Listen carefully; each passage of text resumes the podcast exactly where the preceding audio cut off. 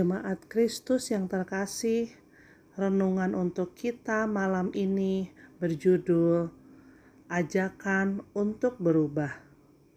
Dan ayat bacaan kita hari ini diambil dari 2 Korintus 13 ayat 6 sampai dengan 10. Beginilah firman Tuhan. Tetapi aku harap bahwa kamu tahu bahwa bukan kami yang tidak tahan uji. Kami berdoa kepada Allah agar kamu jangan berbuat jahat, bukan supaya kami ternyata tahan uji, melainkan supaya kamu ini boleh berbuat apa yang baik, sekalipun kami sendiri tampaknya tidak tahan uji. Karena kami tidak dapat berbuat apa-apa melawan kebenaran yang dapat kami perbuat adalah untuk kebenaran. Sebab kami bersuka cita apabila kami lemah dan kamu kuat. Dan inilah yang akan kami doakan, yaitu supaya kamu menjadi sempurna. Itulah sebabnya sekali ini aku menulis kepada kamu ketika aku berjauhan dengan kamu, supaya bila aku berada di tengah-tengah kamu, aku tidak terpaksa bertindak keras menurut kuasa yang dianugerahkan Tuhan kepadaku untuk membangun dan bukan untuk meruntuhkan.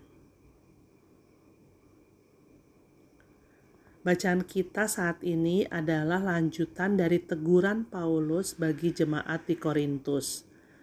Di bagian ini, kita dapat melihat Paulus lebih menekankan tentang bagaimana jemaat Korintus berubah ke arah yang lebih baik lagi. Bukan semata menghukum mereka karena telah mengasingkan kerasulan Paulus. Kita melihat sesuatu yang indah dalam relasi antara Paulus dan jemaat Korintus, yaitu bagaimana Paulus benar-benar mengasihi jemaat di Korintus sebagai jemaat yang dipercayakan Tuhan kepada dirinya. Paulus belajar dari Kristus bahwa solusi dari kesalahan bukan lagi dibinasakan, melainkan dipulihkan dan dituntun untuk kembali kepada kebenaran. Kita menyadari bahwa menuntun orang untuk kembali kepada kebenaran bukanlah hal yang mudah. Lebih mudah untuk ditinggalkan atau dibinasakan.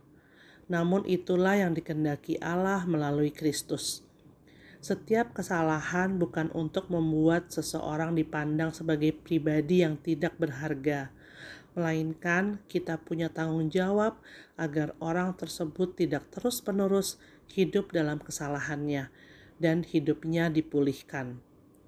Hal ini bisa terjadi kepada hidup kita, antara punya tanggung jawab untuk memulihkan orang terkasih kita, atau kita yang justru perlu untuk dipulihkan.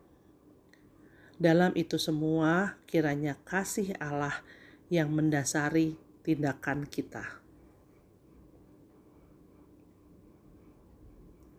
Demikianlah renungan malam ini. Semoga damai sejahtera dari Tuhan Yesus Kristus tetap memenuhi hati dan pikiran kita.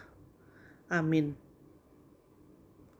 Jemaat yang terkasih, mari kita bersatu hati menaikkan pokok-pokok doa yang ada dalam gerakan doa 21 GKI Sarwa Indah.